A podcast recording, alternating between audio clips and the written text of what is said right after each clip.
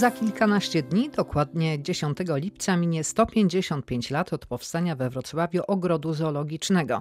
O dziejach zoo będę rozmawiała z prezesem Radosławem Ratajszczakiem i Leszkiem Solskim, dyrektorem Wydziału Edukacji Ogrodu, zwanym też nadwornym historykiem zoo. Pomogą mi w tym nasze radiowe archiwa ze strony tu.prw.pl. Dźwiękowa historia Alicja Mikłaszewicz, zapraszam. Na początek Leszek Solski opowie, kto wymyślił ogród jak pierwotnie wyglądał. Ogród wymyślano mniej więcej we wszystkich miastach na tej samej zasadzie, prawda? Że zbierała się grupa prężnie działających, nazwijmy to lokalnych obywateli, niekoniecznie w jakiś sposób powiązanych z władzami miejskimi, która na zasadzie zbierania różnych drobnych, czasami większych pieniędzy stworzyła towarzystwo takie zoologiczne i to towarzystwo zajmowało się potem już negocjacjami z e, miastem, żeby miasto udostępniło jakiś teren i tak dalej. I przez cały okres przedwojenny, tak jak większość niemieckich, zresztą chyba angielskich, tak samo ogrodów, ogród działał na zasadzie spółki akcyjnej. Były dywidendy, jak zoo dobrze działało, to właściciele akcji dostawali jakieś dywidendy, a jak przestawało działać niestety dobrze, to nazwijmy to robiło klapę i tak było w roku 1921, gdzie zoo po I wojnie się nie podniosło i zostało na 6 lat zamknięte. Jeszcze był drugi okres, prawda? Zamknięcia zoo. Drugim okresem, w którym zoo, trudno powiedzieć, było zamknięte, w którym po prostu nie istniało, to były lata 45-48, kiedy nowe władze polskie miasta miały całkiem inne zadania, więc zwierzęce zostały rozdysponowane do innych podówczas już istniejących ogrodów w Polsce, m.in. do Poznania, do Łodzi, do Krakowa. I dopiero w 1948 roku, jak powiedzmy sobie władze uniwersyteckie zadecydowały o tym, że można reaktywować zoo, te zwierzęta z trudnościami, ale zostały w jakiś sposób odzyskane. I w latach 48-53, trzeba mało kto o tym pamięta, ogród zoologiczny był jednostką uniwersytecką. Dopiero potem został przeniesiony do Wydziału Usług Komunalnych, więc tam, gdzie niestety szalety publiczne, cmentarze, parki i zaczął w tych strukturach działać. Zoo było również zamknięte od grudnia 1962 do marca 1963 z podobnego powodu jak obecnie i z nakazu lekarza wojewódzkiego ogród zoologiczny z powodu tej przeszczycy przez 4 miesiące był zamknięty dla zwiedzających. Więc zagrożenia dla ludzi nie było, ale było zagrożenie dla całej zewnętrznej hodowli, dla zwierząt domowych itd. Tak itd. Tak A ospa nie miała żadnego A ospa wpływu? nie miała, ospa była dosyć krótko, bo ospa była co prawda też w 63, ale latem. To były dwa miesiące praktycznie, od połowy czerwca do połowy września. I przynajmniej w naszych materiałach nie ma czegoś takiego, że, że zoo z powodu ospy zostało zamknięte. Znaczy oczywiście wszystkie choroby i pryszczyca i ospa i nasz kochany koronawirus to są wszystko wirusy, więc to może być tylko tego typu porównanie. I jak wyglądał wtedy ogród? Generalnie rzecz biorąc substancja, nazwijmy to sobie architektoniczna wrocławskiego zoo jest jedną z najlepiej zachowanych w Europie. Zoo pomimo zniszczeń wojennych zachowało znaczną część budynków i zasadniczo rzecz biorąc najstarszym obiektem jest w narożniku zoo ustawiona tak zwana baszta niedźwiedzia, która powstała jeszcze dokładnie chyba rok przed oficjalnym otwarciem zoo. No i są to budynki bardzo cenne historycznie, ponieważ one były tworzone przez znanych wrocławskich architektów między innymi ptaszarnia, małpiarnia i słoniarnia to są dzieła Karla Schmidta, który robił innymi naszą wrocławską operę. A wrocławskie zoo zaczynało skromnie od 189 okazów, w tym 165 zostało podarowanych przez mieszkańców miasta i okolic. Były tam wilki, wielbłądy, niedźwiedzie, lamy i strusie.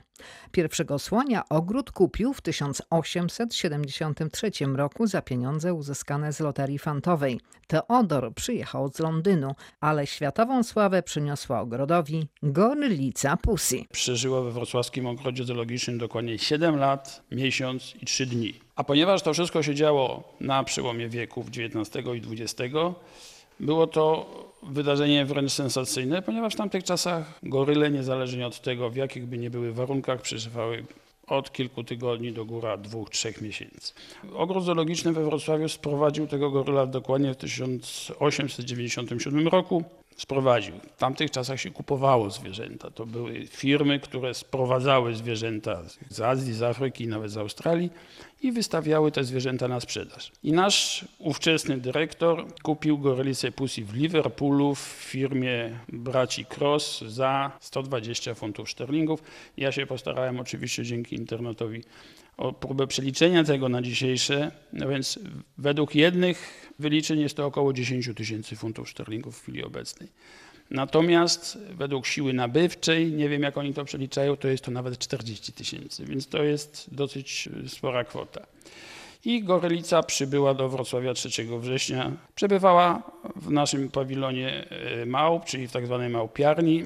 Oczywiście miała swojego zaprzyjaźnionego opiekuna, o którym niestety niewiele wiemy ale zachowały się zdjęcia, zachowały się różnego rodzaju notatki, między innymi tabele dojrzewania, nazwijmy to sobie, ponieważ to była samica, więc y, są tabele, w jakich dniach poszczególnych miesięcy miała okres. No niestety nie, nie udało się sprowadzić żadnego do niej towarzysza, żyła samotnie, ale jako się rzekło, przeżyła no, te ponad 7 lat w dość dobrym zdrowiu. Zdechła 6 października 1904 roku. Nie wiemy z jakich przyczyn, prawdopodobnie różnego rodzaju zmiany wywołane jednak mimo wszystko żywieniem, być może niewłaściwymi warunkami utrzymania, ponieważ ona nie wychodziła na zewnątrz, była trzymana w klatce wewnętrznej być może z powodu braku dostępu do promieni słonecznych, ale atrakcją przez te parę lat e, pobytu we Wrocławskim Ogrodzie Zoologicznym na pewno była.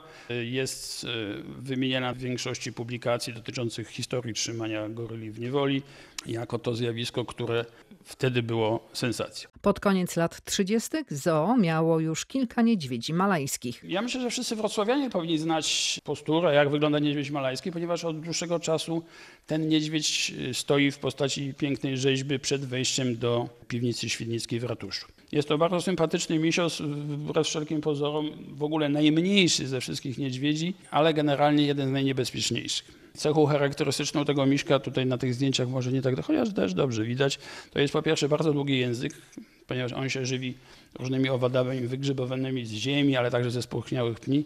No i nieprawdopodobnie długie w stosunku do samej masy ciała pazury. Ponad 10 cm długości zakrzywione, tak jak tu widać na tym zdjęciu właśnie jak on trzyma te kraty. Tu w latach 30. istniało coś takiego jak karmienie pokazowe z małych misiów karmionych butelką. Było to robione, no, to trudno tak opowiedzieć, w miejscu, w którym w tej chwili jest klatka papug Kea. W każdym razie było to takie okrągły, płaski, wybetonowany, otoczony fosą terenik. I z tego, co w artykułach potem się pojawiało, przyszła jakaś wycieczka, dwie panie nauczycielki z dziećmi i nie wiem, czy one z własnej inicjatywy same, czy też zachęcone przez tego pielęgniarza, zaczęły te zwierzętka dokarmiać. No i jeden z tych dorosłych, aczkolwiek nie, może wyrośniętych niedźwiedzi, bardzo mocno złapał tą jedną z nauczycielek za rękę. Ta druga zaczęła jej pomagać i mówiąc szczerze, obie razem do spółki tego niedźwiedzia stamtąd wyciągnęły na zewnątrz.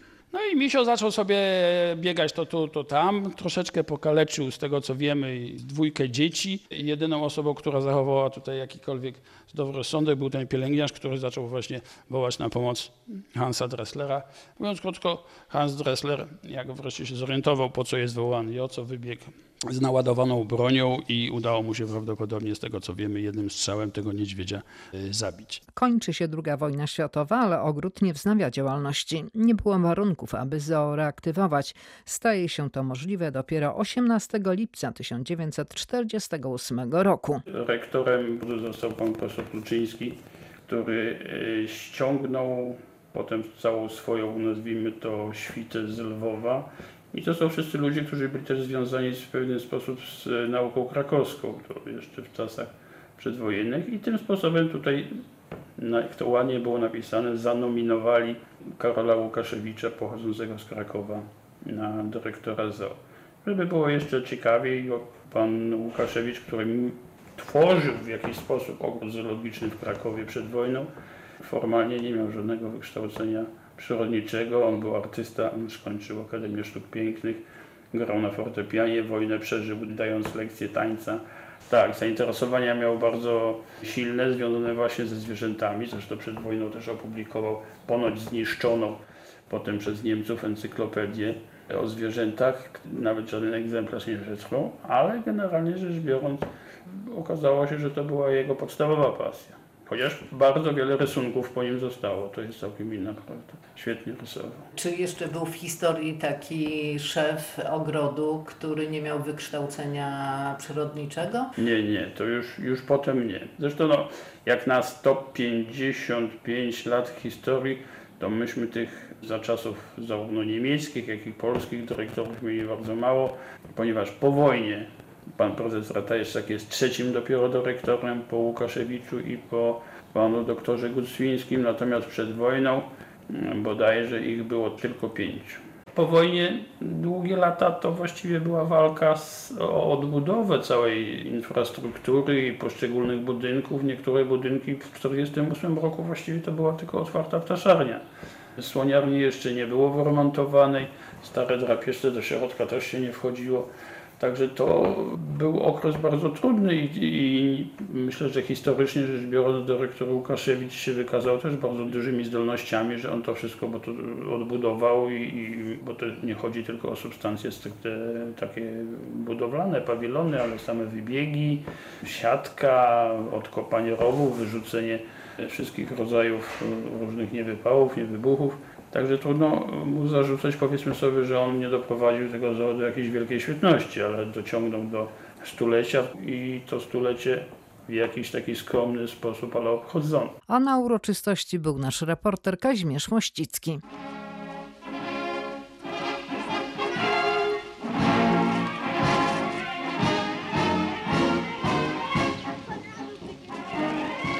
Mija godzina dziesiąta. Dziś we wrocławskim ogrodzie zoologicznym odbywają się uroczystości związane z setną rocznicą jego założenia. Z tej okazji przybyli do naszego miasta dyrektorzy dziesięciu ogrodów zoologicznych z całej Polski. Są również przedstawiciele Niemieckiej Republiki Demokratycznej, goście z Drezna i Gerlitz, z którymi wrocławski ośrodek utrzymuje stałe kontakty. Za chwilę dostojnych gości powita dyrektor ogrodu zoologicznego Karol Łukaszewicz. Chciałbym przede wszystkim wyrazić moją głęboką wdzięczność osobiście i naszej załogi dla wszystkich władz, które tę instytucję niecodzienną otaczały i otaczają szczególną i troskliwą opieką. Ogród zoologiczny we Wrocławiu istnieje 100 lat, a więc bardzo długo i jest się czym chlubić, bo wśród ogrodów zoologicznych nie wszystkie przeżyły tak długi okres czasu. Niektóre skończyły się zaledwie po kilkunastu latach. Uroczystego odsłonięcia tablicy pamiątkowej dokonuje przewodniczący Prezydium Rady Narodowej Miasta Wrocławia profesor Bolesław Iwaszkiewicz. Jesteśmy dzisiaj świadkami niecodziennej uroczystości. Stulecie ogrodu zoologicznego i prawie dwudziestolecie działalności tego ogrodu w polskim wyzwolonym Nowym Wrocławiu. Nie są to jedyne powody dla uczczenia ogrodu zoologicznego we Wrocławiu i dla podniesienia jego zasług. Jest to ogród, który szczyci się jedną z największych, a może nawet największą frekwencją na tysiąc mieszkańców w Europie. Jest to ogród, który ma doskonałe wyniki, jeśli chodzi o hodowlę i przychówek. Jest to ogród, który wypełnia olbrzymią rolę dydaktyczną i wychowawczą we Wrocławiu. Tłumy zwiedzających, które gromadzą się przed ogrodem zoologicznym, zwłaszcza w dni świąteczne, w dnie wypoczynku, świadczą o tym, jak wielką rolę odgrywa on w naszym mieście ile pożytecznej działalności mogą mu zawdzięczać mieszkańcy miasta. Profesor Bolesław Iwaszkiewicz podchodzi do kamienia, który przykryty do tej chwili był flagą Wrocławia o kolorze żółto-czerwonym. Na tablicy pamiątkowej czytamy Wrocławski Ogród Zoologiczny otwarty 10 lipca 1865 roku. Powiększony i odbudowany decyzją Prezydium Rządu Polskiej Rzeczypospolitej Ludowej stulecia swego istnienia i działalności kulturalno-oświatowej tablicą niniejszą upamiętnił 10 lipca 1965 roku. Po Karolu Łukaszewiczu w 1966 roku dyrektorem został Antoni Gucwiński, który już od 9 lat pracował w ogrodzie. Ogród zoologiczny we Wrocławiu stał się słynny na całą Polskę w 1971 roku, kiedy to w telewizji wyemitowano pierwszy program z kamerą wśród zwierząt, prowadzony przez Hannę i Antoniego Gucwińskich. W 1976, ostatniego dnia roku, Gucwińskich odwiedza nasz dziennikarz Kazimierz Mościcki.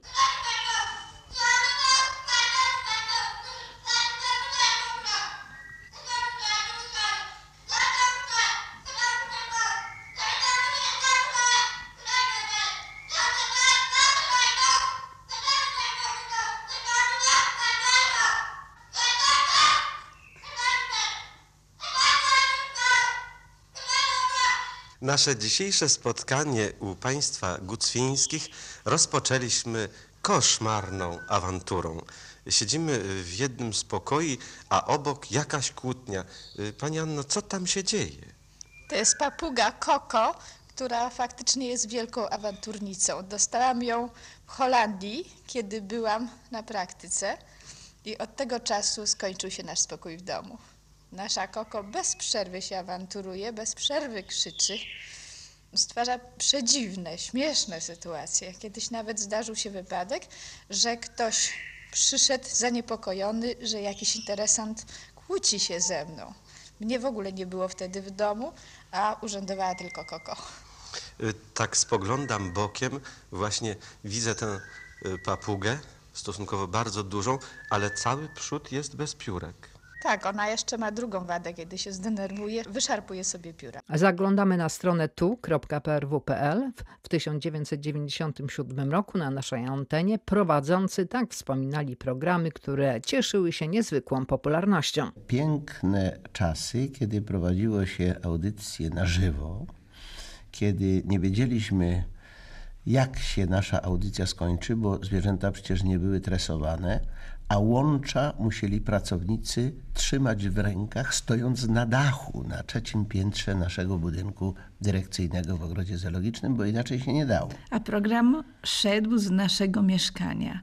Wiem, że to bardzo się telewidzom podobało. Co te zwierzęta w tym mieszkaniu wyprawiają, co się dzieje.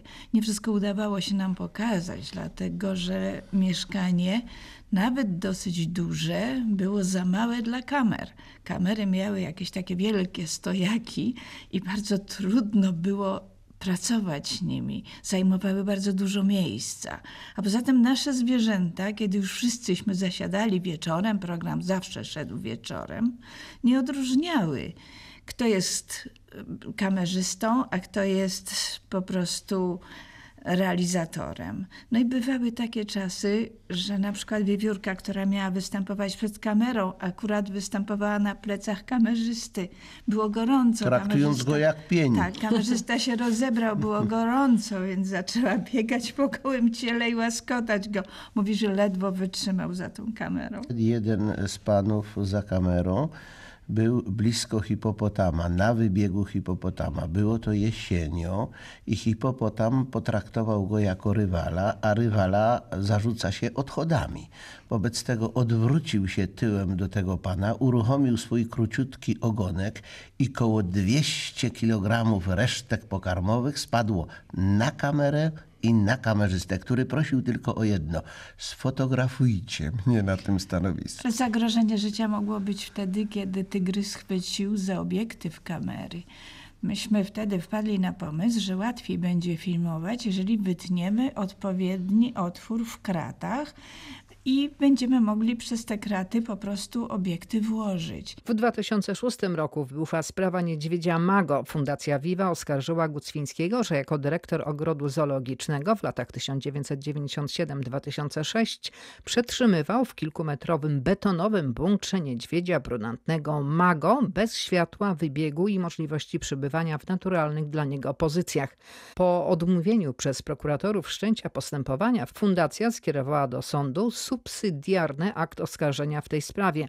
Nie wszyscy powołani biegli zgodzili się z opinią oskarżycieli. Sądy obu instancji w pierwszym procesie karnym uznały, że niedźwiedź rzeczywiście przez 9 lat przebywał w złych warunkach w betonowej klatce, ale nie można uznać tego za znęcanie się. Łuczyński bowiem starał się cały czas poprawić te warunki, innymi szukając dla Mago miejsca w innym ogrodzie zoologicznym. Na jednej z rozpraw w 2008 roku był Dominik Panek. Niedźwiedź Mago był zamknięty w małej klatce, no w bunkrze, praktycznie bez dostępu światła słonecznego przez 10 lat, przez prawie całe swoje życie. Według nas nic nie usprawiedliwia takiego postępowania, szczególnie ze strony kogoś, kto był uważany przez dużą część osób jest za miłośnika zwierząt. To nie jest propagowanie ochrony zwierząt, to jest po prostu bardzo instrumentalne, bardzo przedmiotowe podejście, takie stare myślenie właśnie o zwierzętach w ogrodzie zoologicznym jako o materiale genetycznym, a nie o istotach, które mają swoje potrzeby, które mają swoje prawa.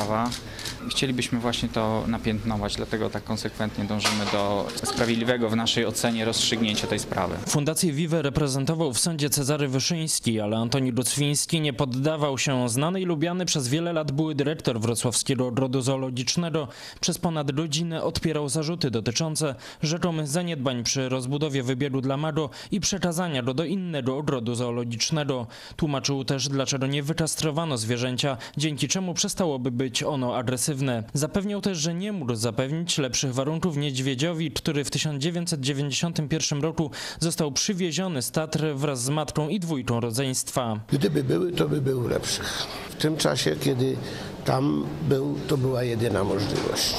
Niedźwiedź Mago powinien przede wszystkim żyć w Tatrach. W parku, tam gdzie się urodził. Ja go nie łapałem, ja go nie przywoziłem. Przywieźli go, żeby go ratować przed likwidacją w środowisku naturalnym. Przywieźli go pracownicy Parku Tatrzańskiego. A ja jestem dzisiaj za to, że go przyjąłem pod dach, że tak powiem. Starałem się, ale nie można było, natomiast ten wybieg, który jest przeznaczony dla niego, był niebezpieczny, bo to jest skoczny niedźwiedź. Jego matka z tego wybiegu wyskoczyła. Więc on by też wyskoczył. Zależało na tym, żeby go zabezpieczyć remontem i byłoby to zrobione na początku ubiegłego roku, bo były nasze środki i byliśmy, mieliśmy to w planie, ale dopiero w ubiegłym roku. Dopuszczałem e, absolutnie do e, myśli obezpłodnienia, dlatego że to cenny, świeży materiał typowy niedźwiedź e, z Tatr i skoro już dotarł do ogrodu, to mógłby być wykorzystany genetycznie, a w ten sposób no to on jest teraz okazem, ale biologicznie to on już wartości nie ma. Cezary Wyszyński podkreśla, że w tej sprawie Fundacji Viva chodzi tylko o sprawiedliwość. Chodzi nam o sprawiedliwy wyrok w tej sprawie, dlatego że niedźwiedź był zamknięty w klatce, czyli coś się stało, prawda? Ten niedźwiedź cierpiał przez 10 lat za wiedzą dyrektora, za przyzwoleniem i za jego sprawą. A druga sprawa to jest kwestia przestrogi dla innych ogrodów zoologicznych, dlatego że to, to są takie państwa w państwach troszkę i e, tam bardzo rzadko dochodzi do ujawnienia jakichś spraw. To ogrody zoologiczne nie powinny tak wyglądać, jeśli w ogóle one już są. A niedźwiedź Maru kilkadziesiąt dni po zmianie dyrektora zoo trafił po kastracji na wybieg i jest mu tam dobrze, opowiada Agnieszka Sergiel z Wydziału Biologii Uniwersytetu Wrocławskiego, która obserwuje niedźwiedzią rodzinę. Jest na wybiegu ze swoimi córkami, ze swoją siostrą, matką. Jego dzieci. Świetna sytuacja, rodzinna bardzo. One znoszą się nawzajem bardzo dobrze. Bardzo ciekawie się obserwuje słodkie sceny rodzinne. Wyrokiem Sądu Okręgowego we Wrocławiu z 16 lutego 2009 roku Gucwiński został uniewinniony. W wyniku złożonej kasacji Sąd Najwyższy wyrokiem z 16 listopada tego samego roku uchylił wyrok uniewinniający i nakazał ponowne rozpatrzenie sprawy. Zakończyła się ona dopiero 10 stycznia 2011 roku, kiedy Sąd Rejonowy dla Wrocławia Śródmieście orzekł, że Gucwiński jest winny wieloletniego znęcania się nad niedźwiedziem brunatnym Mago. Sąd odstąpił od wymierzenia kary oskarżonemu, orzekając świadczenie pieniężne w kwocie 1000 zł na rzecz Towarzystwa Opieki nad Zwierzętami. Wróćmy do ostatniego dnia pobytu dyrektora Antoniego Gucwińskiego na terenie ogrodu. Jest 28 dzień lutego 2007 roku.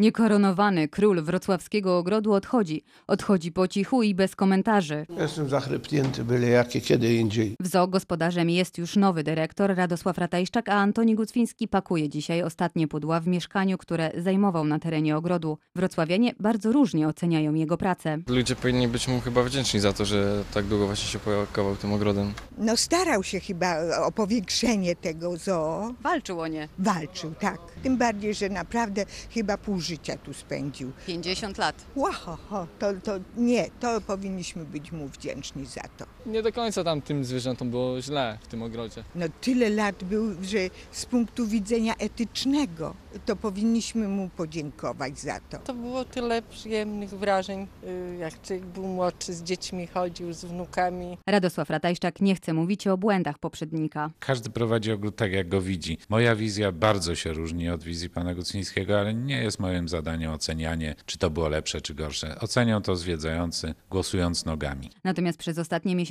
mówiło się głównie o błędach Antoniego Gucwińskiego. Zo kontrolowano, pojawiły się informacje o złych warunkach dla zwierząt. Rafał Guzowski z Urzędu Miejskiego podkreśla, że nie miało to wpływu na decyzję o rozstaniu z Gucwińskim. Całe serce i całe swoje życie włożył w ten ogród i te 50 lat naprawdę y, wymaga pochylenia się z szacunkiem nad jego dokonaniami, bo dokonał, dokonał wiele. Ale dodaje też, Jak nasz ukochany kardynał Henryk Gulbinowicz szedł na emeryturę, też wszyscy powiedzieliśmy, pewna era się kończy, no ale Wrocław dalej funkcjonuje jakoś. wrocławianie przyznają, że długo myśleli. Zo to Antoni Gucwiński, ale dodają, że popełnił też błędy. Tam były jakieś y, niuanse, takie jak ten niedźwiadek jakiś, prawda? To było takie smutne, nie? Że on jednak nie dopatrzył. Miśma go spędził w klatce 10 lat, ale ma już swój wybieg, na którym, jak mówi nowy szef ogrodu, szaleje. Dziwi się wszystkiemu, ogląda każdy przejeżdżający pojazd, ludzi. No, Ma tam nawrzucane gałęzie świeże świerka, którym się bawi, trochę kopie, trochę zasypuje nory.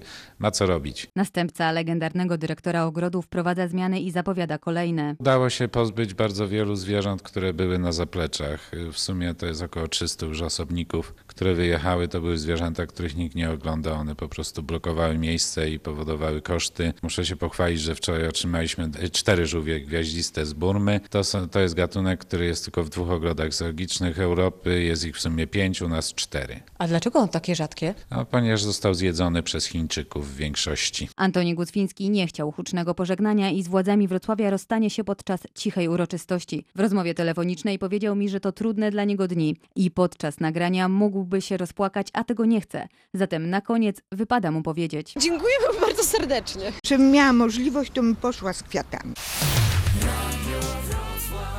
Wcześniej już konkurs na dyrektora wrocławskiego zoo wygrał Radosław Ratajszczak, dotychczasowy zastępca dyrektora ogrodu w Poznaniu. Posłuchajmy, jak wspomina początek swoich rządów. Na pewno najtrudniejsze było zmierzenie się z pewną legendą. Wiedziałem, że będę zawsze porównywany. No, państwo Gucwińscy osiągnęli bardzo wysoką popularność, rozpoznalność medialną. Mnie na niej tak nie zależało. Natomiast sam ogród wymagał bardzo silnych i bardzo szybkich zmian, bo niestety przez ostatnie przynajmniej 10-15 lat bardzo odstał od czołówki nie tylko europejskiej, ale również w wielu zakresach, także od poziomu polskich ogrodów zoologicznych. Nie chciałem tego robić przez y, mówienie o tym, co będę robił, tylko przez to, co robiłem i robię po dziś dzień. No, zoo miało niezłą dotację, naprawdę. Ja byłem zaskoczony, jak dobra jest ta dotacja dla zoo przez pierwsze te trzy lata, bo ona była wysoka. Zoo zarabiało zaledwie 20% tego, co wydawało. Reszta pochodziła z y, podatków miejskich, podatków mieszkańców Wrocławia i, i to nie były małe pieniądze. Na owe czasy pozwalały na bardzo spokojne prowadzenie zoo i jego rozwój ograniczony. A Wiadomo- pan chciał czegoś więcej. ja chciałem to zoo zmienić w nowoczesne. Zresztą tak zapisałem to w moim em, programie na konkurs, że chcę zostawić to zoo jako jedną z czołowych placówek tego typu w Europie. bardzo silne i kadrą, i zwierzostanem, i działalnością ochroniarską, i finansowo. I to w jakimś stopniu do koronawirusa mi się powiodło. Y, nawet w dużym stopniu, powiedziałbym niespodziewanie dużym stopniu. No teraz mamy troszkę większe problemy, ale my je pokonamy. To właśnie, to ile ZOO zarabiało tak w ostatnim roku, czy w ostatnich miesiącach, tym tuż przed pandemią? To ja może z, wyjdę z roku 2006, to był ostatni rok, kiedy jeszcze tu nie byłem. Wtedy ZOO w ciągu całego roku zarobiło 1 830 tysięcy złotych. To były wszystkie przychody z biletów, dzierżaw, drobnych sprzedaży zwierząt i jakichś tam pamiątek. To było 1 830 W zeszłym roku przebiliśmy 59 milionów. To jest dość istotna różnica. Na pewno pomogło w tym Afrykarium. Afrykarium nie było rzeczą samą w sobie. To nie było takie, że o, budujemy sobie Afrykarium, żeby je mieć. Afrykarium miało być silnikiem dla tego ogrodu. Silnikiem, który będzie je napędzał i pozwoli całą resztę ogrodu zmienić. No bo, tak jak mówiłem, no niestety zaniedbania tu były ogromne, zarówno pod względem e, remontów, infrastruktury technicznej. Tego nie widać już w tej chwili. Wszystko jest pod ziemią, ale my tu nie mieliśmy wody. Jak akwarium zaczynało używać wodę, to w większości budynków jej nie było. A akwaryści są uparci i ciągle twierdzą, że potrzebują wodę. Nie wiem dlaczego, no ale tak to jest. Także tych nakładów było potrzeba ogromnie dużo i było wiadomo, że budżet miasta z tym sobie nie poradzi, bo budżety miasta są zawsze za małe na wszystko. A ogród zoologiczny jest jak taka mała rybka, która tam płynie za tym wielkim rekinem. Przed nią jest jeszcze kilka takich dużych ryb, później są coraz mniejsze. Na końcu ten, ten ogród gdzieś, gdzieś się trzepie i te resztki tam jeszcze skubie. Tego nie chciałem, bo to by nie zmieniło ogrodu. Dlatego była ta wielka zmiana, dlatego było podjęcie się budowy Afrykarium. A poza tym, no fajnie jest w życiu zrobić coś, co, co zostaje i, i będzie na jeszcze wielkie, wielkie odległości czasowe. Ogród zoologiczny ma 155 lat, jest najstarszą instytucją publiczną naszego miasta. Jest starszy niż wodociągi, jest starszy niż kanalizacja, MPK i wiele, wiele innych. W 2010 roku ZOO przekształca się w spółkę z OO. 26 października 2014 roku na terenie Ogrodu Zoologicznego we Wrocławiu otwarto Afrykarium, oceanarium prezentujące ekosystemy wodne oraz lądowe fauny Afryki. Był to pierwszy tego typu obiekt w Polsce. Przemysław Gałecki. Na dwóch hektarach zwiedzający mają prawie na wyciągnięcie ręki hipopotamy, pingwiny czy olbrzymie rekiny i żółwie, a także tysiące gatunków roślin. Paweł i Beata przyjechali do Wrocławia aż z Rzeszowa, prawie 450 km, ale po wizycie w Afrykarium nie żałują ani jednej wydanej na podróż złotówki. Europejskie standardy świat we Wrocławiu. Jestem zaskoczony, mile zaskoczony. Przede wszystkim ten tunel wodny, co nad nami, nad naszymi głowami ryby pływają. Jak wrażenia? Fajny, tylko trochę się w głowie zawraca. Zawrót głowy można mieć też bez patrzenia na ryby, ale na słupki, z liczbami zwiedzających. Jeszcze rok temu w styczniu zoo odwiedziło 7 tysięcy osób. Tegoroczny styczeń zakończył się z wynikiem 16-krotnie lepszym. Do ogrodu weszło blisko 114 tysięcy osób. Wszystko się zmienia na świecie, zmieniają się też ogrody. By pozostać atrakcyjnymi muszą się rozwijać, muszą, jak to mówimy, biec, żeby stać w miejscu. Mówi Radosław Ratajszczak, dyrektor zoo, ale zmiana, może nie tak spektakularna jak w ostatnich miesiącach, ale jeszcze ważniejsza, nastąpiła kilka lat temu, gdy ogród został przekształcony z jednostki budżetowej w spółkę. Mimo, że zoo było wtedy 20 milionów złotych rocznie pod kreską, zaryzykowano i rozpoczęto nowe inwestycje. Pojawił się nowy pawilon Sahary. Kawałeczek dalej nowy pawilon Madagaskaru. Powstały nowe biegi dla niedźwiedzi i y, dla magotów i rysi. Powstała nowa ekspozycja okapi, super rzadkiego zwierzęcia, po raz pierwszy pokazywane w Polsce. Wybieg pand małych, wybieg nosorożców indyjskich i innej fauny Indii. Efekt? W ubiegłym roku ogród odwiedziło ponad 800 tysięcy osób. Tegoroczna prognoza to ponad 1,5 miliona odwiedzających i wygenerowanie zysków. Zoo deklaruje, że mimo rosnących kosztów da radę spłacać zaciągnięty na budowę afrykarium kredyt blisko ćwierć miliarda złotych. W roku 2006 cały dochód z zoo wynosił 1 600 tysięcy złotych. Obecnie ze stycznia to było 2 miliony 180 tysięcy. Tak? Sam styczeń. Sam styczeń. Biznesowy model funkcjonowania zoo ocenia profesor Andrzej Kaleta z Uniwersytetu Ekonomicznego. Zarządzanie zoo to jest zarządzanie z pomysłem. Taką ucieczkę do przodu stosuje, czyli podejmuje potężne, ryzykowne, co by nie było, jakby nie było inwestycje, bo przecież to afrykanarium nie musiało się sprawdzić, a widać, widać wyraźnie że dzisiaj, że się sprawdziło, więc to ryzyko podjęto, no ale w każdym biznesie tak to, tak to działa. Był taki rok, kiedy jeżeli chodzi o liczbę odwiedzających, przebiliście Wawel i Wieliczkę. To był rok po otwarciu Afrykarium, ale nadal jesteśmy wyżej niż Wieliczka i Wawel. Yy, nasza frekwencja waha się mi, między 1 600 a 1 700 i jest w pierwszej piątce Europy. Ten ogród zoologiczny, mimo że jest położony w najmniejszej miejscowości z tych, o których mówimy, które mają tak duże frekwencje, bo Wiadomo, że Berlin, Stuttgart, Praga, Budapeszt to są wielkie metropolie.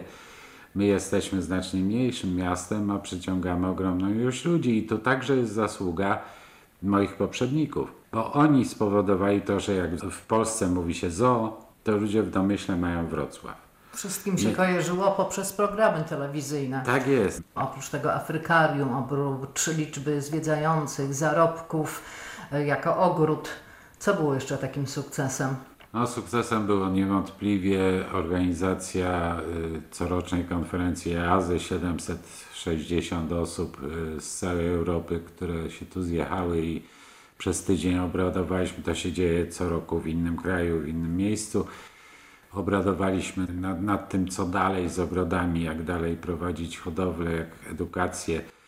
Ja osobiście za największy sukces uważam to, że udało się stworzyć fundusz wspierania projektów ochrony najbardziej zagrożonych gatunków zwierząt na świecie. I przez I jeździcie gdzieś na Filipiny nawet, tak? Ratować tak, żółwie. Nasz ogród zoologiczny ma projekty rozsiane w wielu krajach świata, jest ich 26, od Paragwaju przez Brazylię, Senegal, RPA, Kongo, Indie, Assam, konkretnie mm, Laos, Wietnam i Filipiny, Indonezja. No ostatnio wsparliśmy Australię w tych wielkich pożarach. Bo taka jest prawdziwa rola zoo. Jeżeli A co robiliście dokładnie?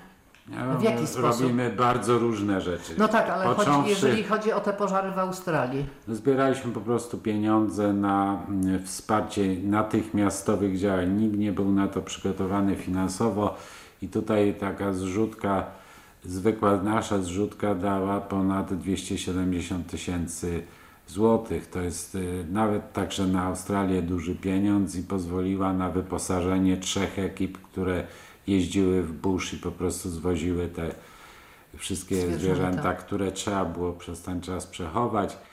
Plan był taki, że w maju u nas miało się odbyć później spotkanie właśnie Australijczyków i nas, Europejczyków, jak dalej planować kolekcję naszych torbaczy endemicznych dla Australii. No niestety koronawirus też te, te plany popsuł, ale my, my działamy na rzecz celowo zwierząt niepopularnych, bo one są tak samo ważne nie jest tak trudno zebrać środki na ochronę tygrysów, słoni, nosorożców. Znacznie gorzej na ochronę e, szczelinowca lautańskiego, bo nikt nawet nie wie, jak on wygląda, jak on wygląda prawda? Ale to zwierzę powinno wymrzeć 11 milionów lat temu, przeżyła, a teraz ludzie je zjadają do zera. Także z fenkami też coś robiliście. Tak, robimy z fenkami w tej chwili w Tunezji taki projekt, bo fenki stały się popularne jako zwierzątko domowe. No oczywiście to się odbywa tą metodą, że łapie się młode fenki i przywozi,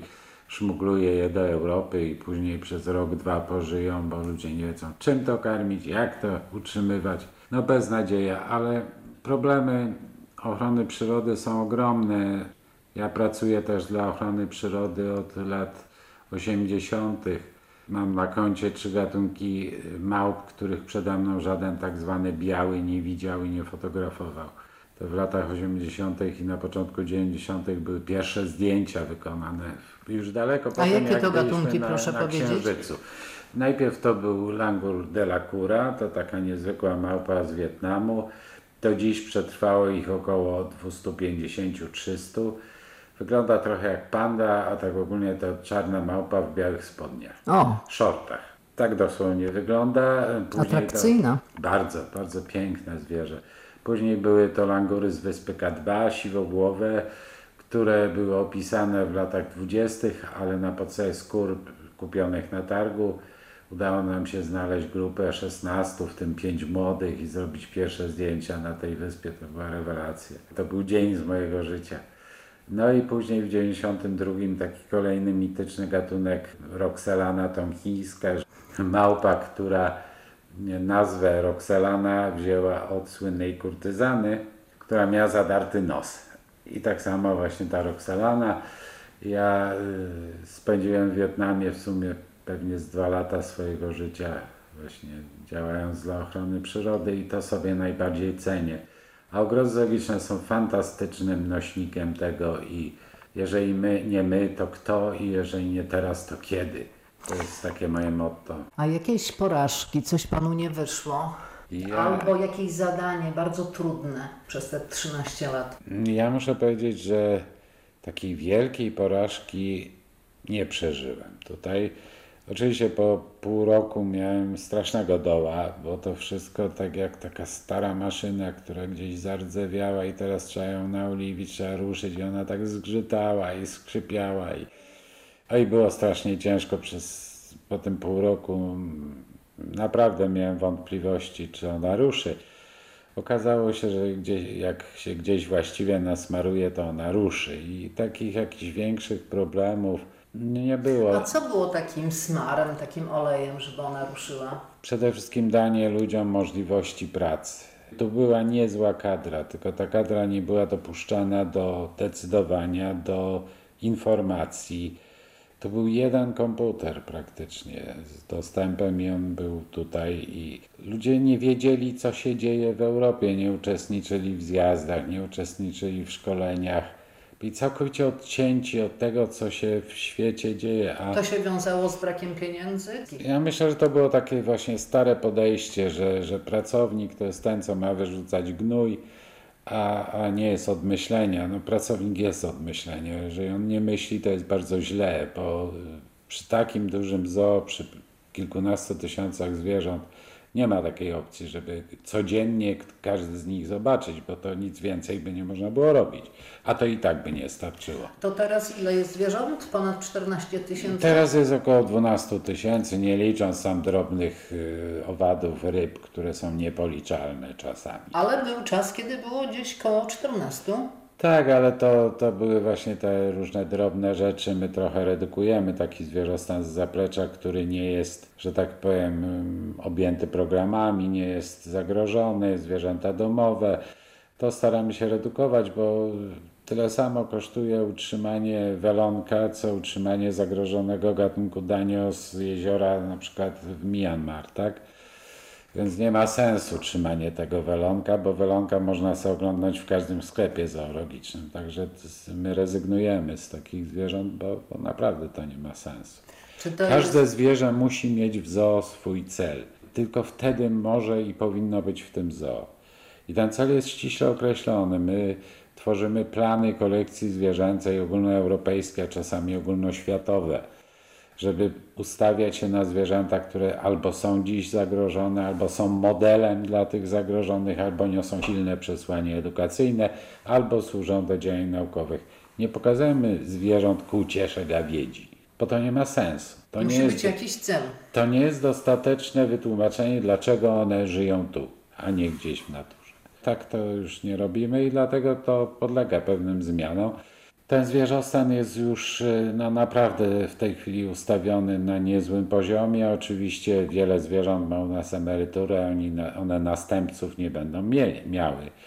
Na przykład nie miały tam stara niedźwiedzica polarna, która padła. No nie ma u nas warunków dla niedźwiedzi polarnych i nie mam trzech hektarów, żeby im zrobić przyzwoity wybieg.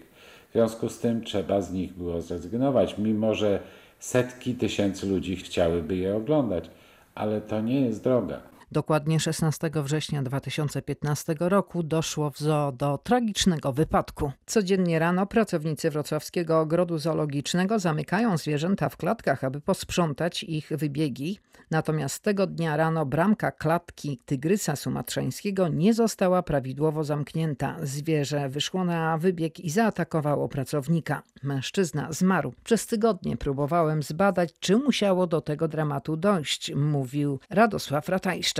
To był pierwszy wypadek ciężki i śmiertelny, jaki w mojej karierze zdarzył. To było w ogóle jakieś zupełnie niesamowite, tym bardziej, że to się akurat stało rano przed otwarciem tego zjazdu Europejskiego Stowarzyszenia Ogrodów Zoologicznych. To się zdarzyło akurat w ten dzień, także to przyćmiło dla mnie bo to było wielkie święto dla nas, zjazd 700 ponad osób. A czy pan pamięta o innych wypadkach? Ile było? Tak, parę wypadków było. Jeden był ze słoniem, to, ale to pracownik, który drugi dzień pracował. Nasz ten pracownik, który zginął 16 lat. To jest różnica. Ten pracownik drugi dzień znalazł się nieszczęśliwie między tyłem a słonia a ścianą i nie powinno się przechodzić z tyłu słonia, bo on nie ma oczu z tyłu, a ma trochę masy.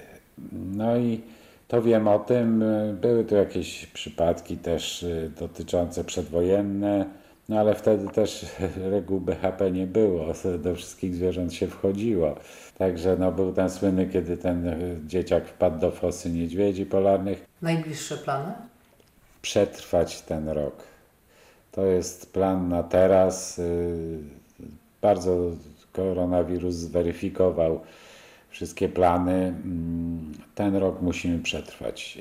Jeżeli to się uda, no nie spodziewałem się, że właśnie pod koniec kariery, no bo ja już niedługo będę szedł na emeryturę, nie zamierzam tego e, przedłużać bo człowiek ma jedne siły i gdy je traci i zaczyna niszczyć to, co zbudował, to jest bardzo źle. To była dźwiękowa historia. Moimi gośćmi byli prezes Ogrodu Zoologicznego we Wrocławiu Radosław Ratajczak i Leszek Solski, dyrektor Wydziału Edukacji. Archiwalne nagrania radiowe zaprezentowane w audycji można znaleźć na stronie tu.prw.pl.